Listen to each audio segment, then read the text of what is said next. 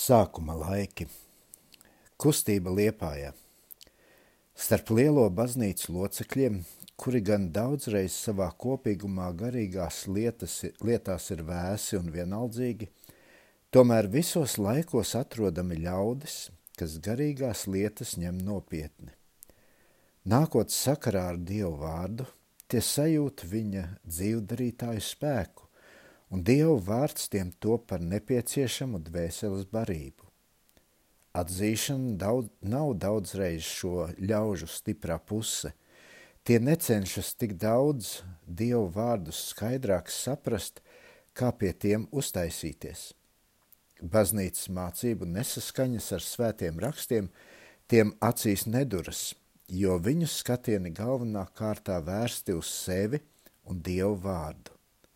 Šādi vientiesīgi Dievu vārda mīlētāji ļaudis arī bija atrodami pagājušā gadu simteņa 50. gados dažādās vietās kurzemē. Pa lielākai daļai tie piederēja pie amatnieku kārtas, kura tajos laikos, salīdzinot ar zemniekiem, baudīja diezgan lielas brīvības. Šis apstākļus tiem arī būs devis iespēju vairāk vērības piegriezt savām dvēseles tieksmēm.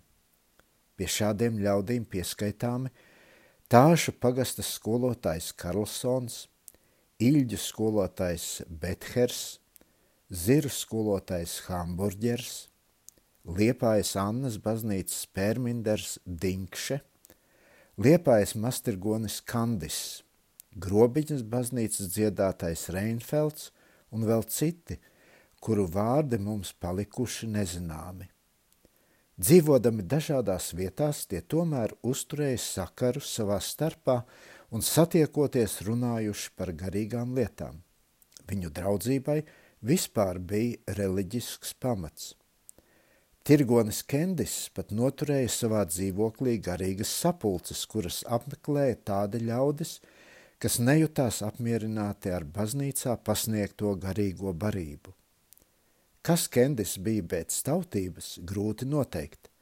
Vieni apgalvo, tas bijis latvietis iz Nīcas, otri atkal saka, ka tas bijis ieceļot, ieceļotājs iz ārzemēm. Kendisa sapulces notika vācu valodā, un tām bija uztaisīšanas raksturs. Šo sapulču apmeklētāji pa lielākai daļai bija sievietes, kuras drīz vien nosauca par lūdzēju māsām. Laikam gan viņu sapulcēs daudz būs lūguši Dievu.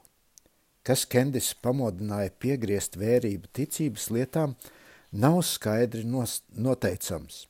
Stāsta, ka viņa namā reiz nometušās uz dzīvi divas ārzemnieces, amerikānietes, par kurām zināms, ka tās mīlējušas garīgas sarunas un rītos lūgušas garīgi Dievu.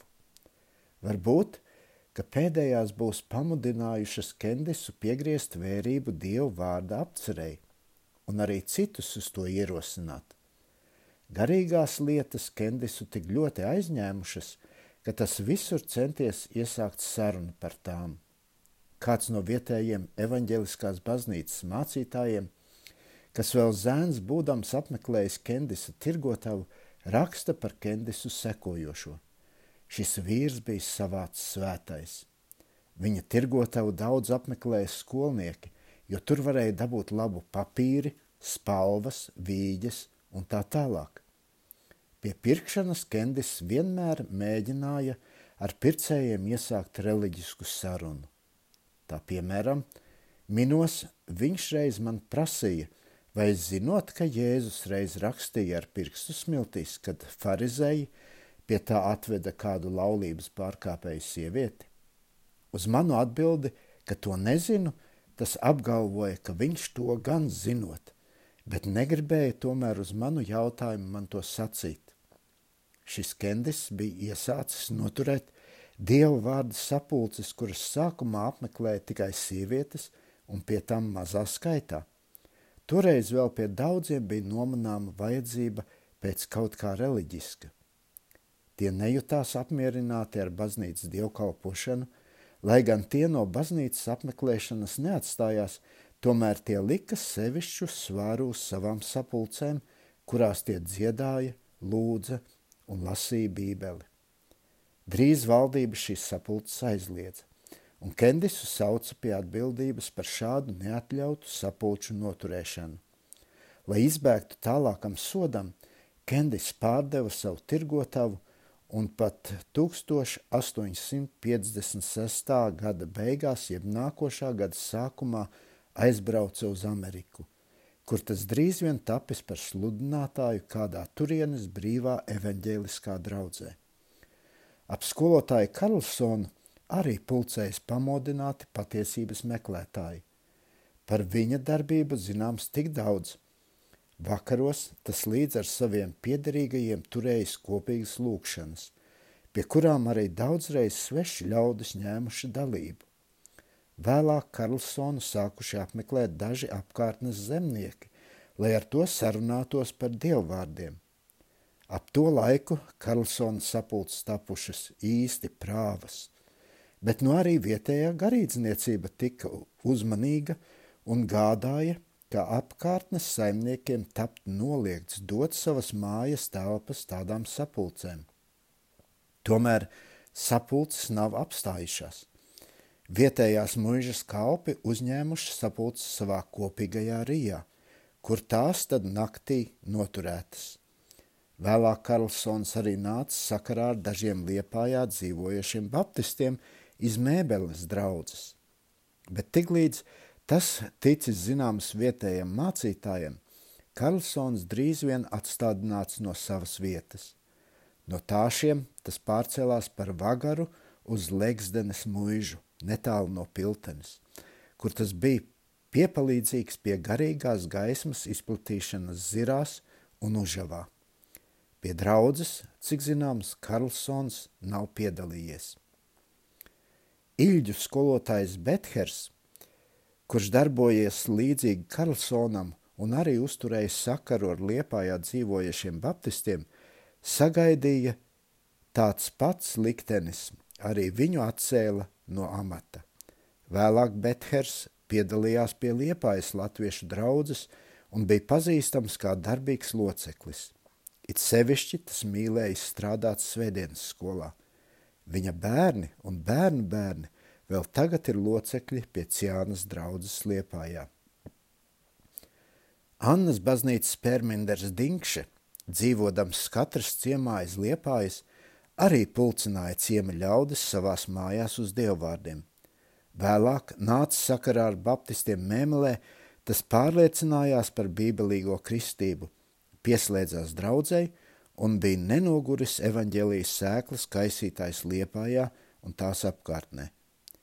Skolotāja hamburģera darba lauks atradās labi tālu no Liepājas, Zirās, kur tas bija mūsu pirmiem brāļiem viņu garīgās cīņas sākuma laikā gaismas rādītājs un vadonis. Pie viņa darbības mēs vēl atgriezīsimies vēlāk bet no kura laika gan radās Liepājā baptisti, ar kuriem pieminētie skolotāji nākuši sakarā? Krīmas kara laikā, kad Baltijas ostas pilsētas, to starpā arī Liepāja, bija no jūras apdraudētas caur Angļu floti, apstājās Liepājā visa saimnieciskā dzīve un radās darba trūkums. Vairākas Liepājas strādnieku ģimenes darbu meklēdamas pārcēlās uz mēmeli kur pa kara laiku saimnieciskā dzīve sevišķi uzplauka, un tur nāca sakarā ar baptistu draudzes locekļiem. Šo darbu meklētāju starpā bija arī kāds latviešu jauneklis, kuģa cimermanis, vecākais matrozes Fricis Jēkabsons, buciņu saimnieka dēls. Mēmelē būdams tas tapa ticīgs, un 1855. gada 7. septembrī caur kristību pievienots vietējai draudzēji. Fricis Jēkabsons ir pirmais Krievijā dzīvojošais latvietis, kas pieņēmis bībelīgo kristību. Pārnācis atkal Liepājā, Jēkabsons stāstījis saviem piederīgajiem, ko tas piedzīvojis pie savas dvēseles, būdams mēmelē. Caur Jēkabsona dzīvi un liecību arī viņa patēvs un māte tapa ticīgi. Pavasarim iestājoties, Jēkabsons kā kuģa cimermanis devās uz jūru. Vēlāk tas pilnīgi nodevās jūrniecībai, tapa par kapteini un pārcēlās uz dzīvi Rīgā, kur tas piedalījās pie vietējās vācu draudzes un bija tās darbīgs loceklis. Jēkabsons atstājis par sevi tās labākās atmiņas.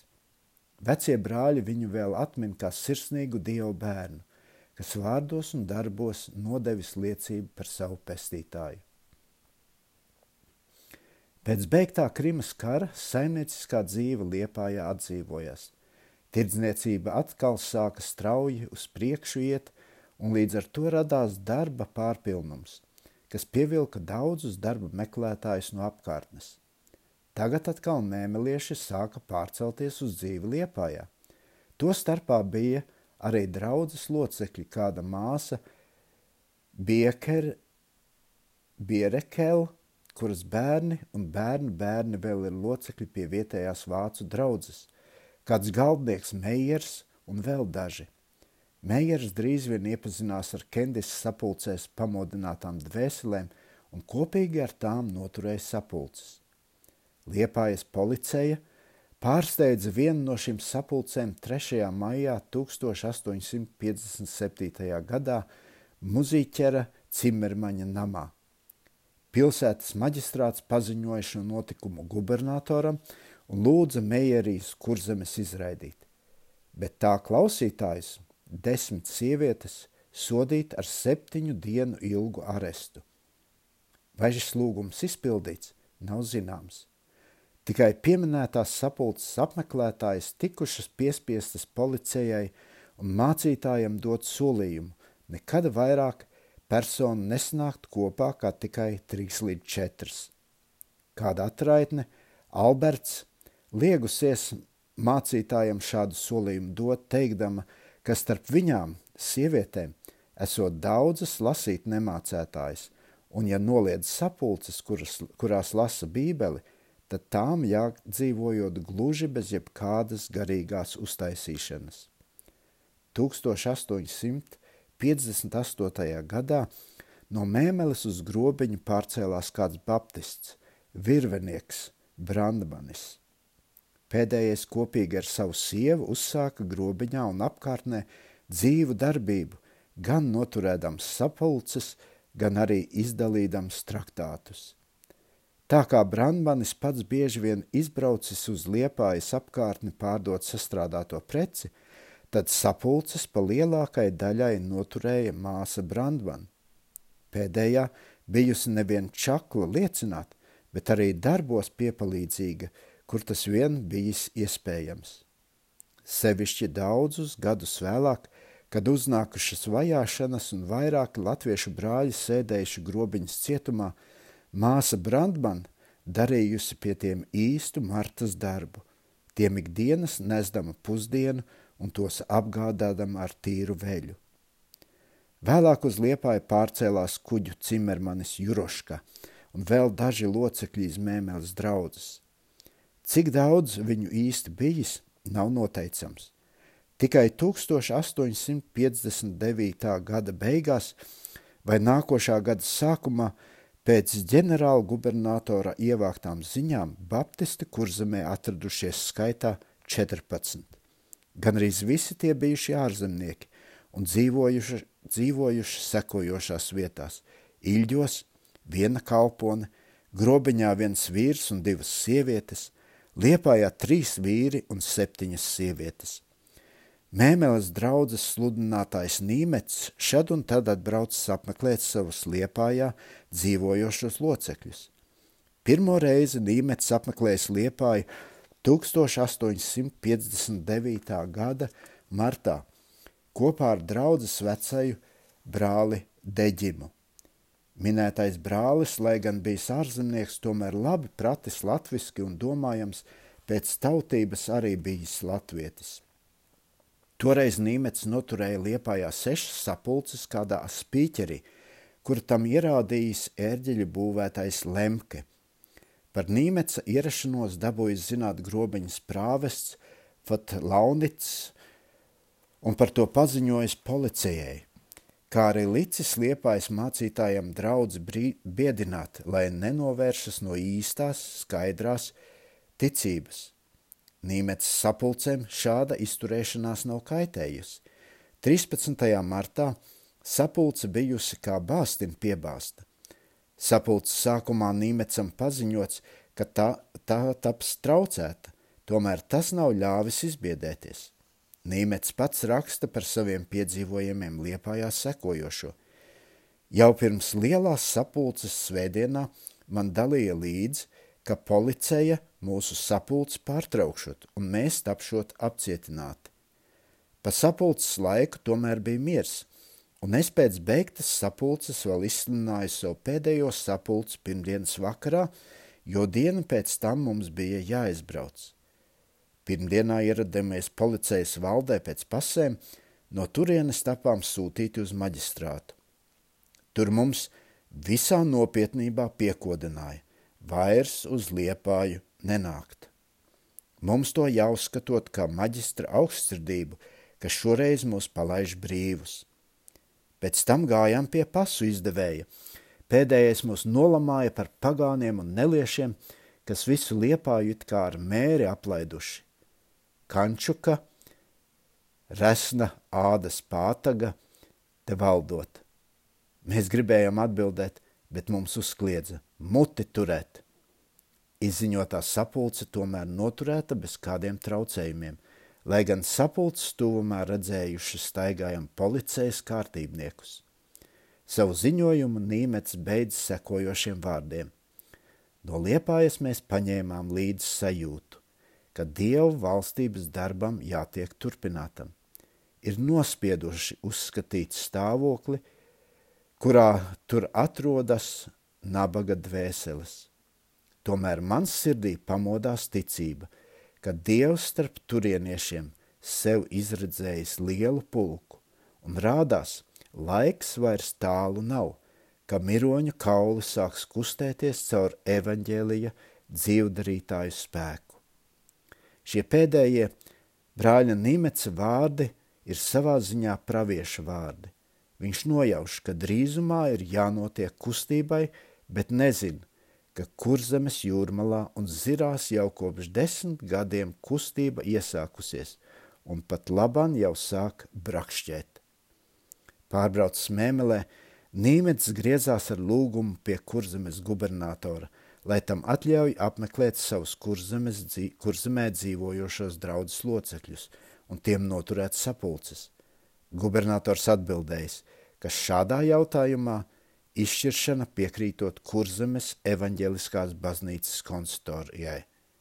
Nīmets griezās ar lūgumu pie konsistorijas Jelgavā un tad Pēterburgā, bet abās pēdējās vietās tā lūgums tapa atraidīts.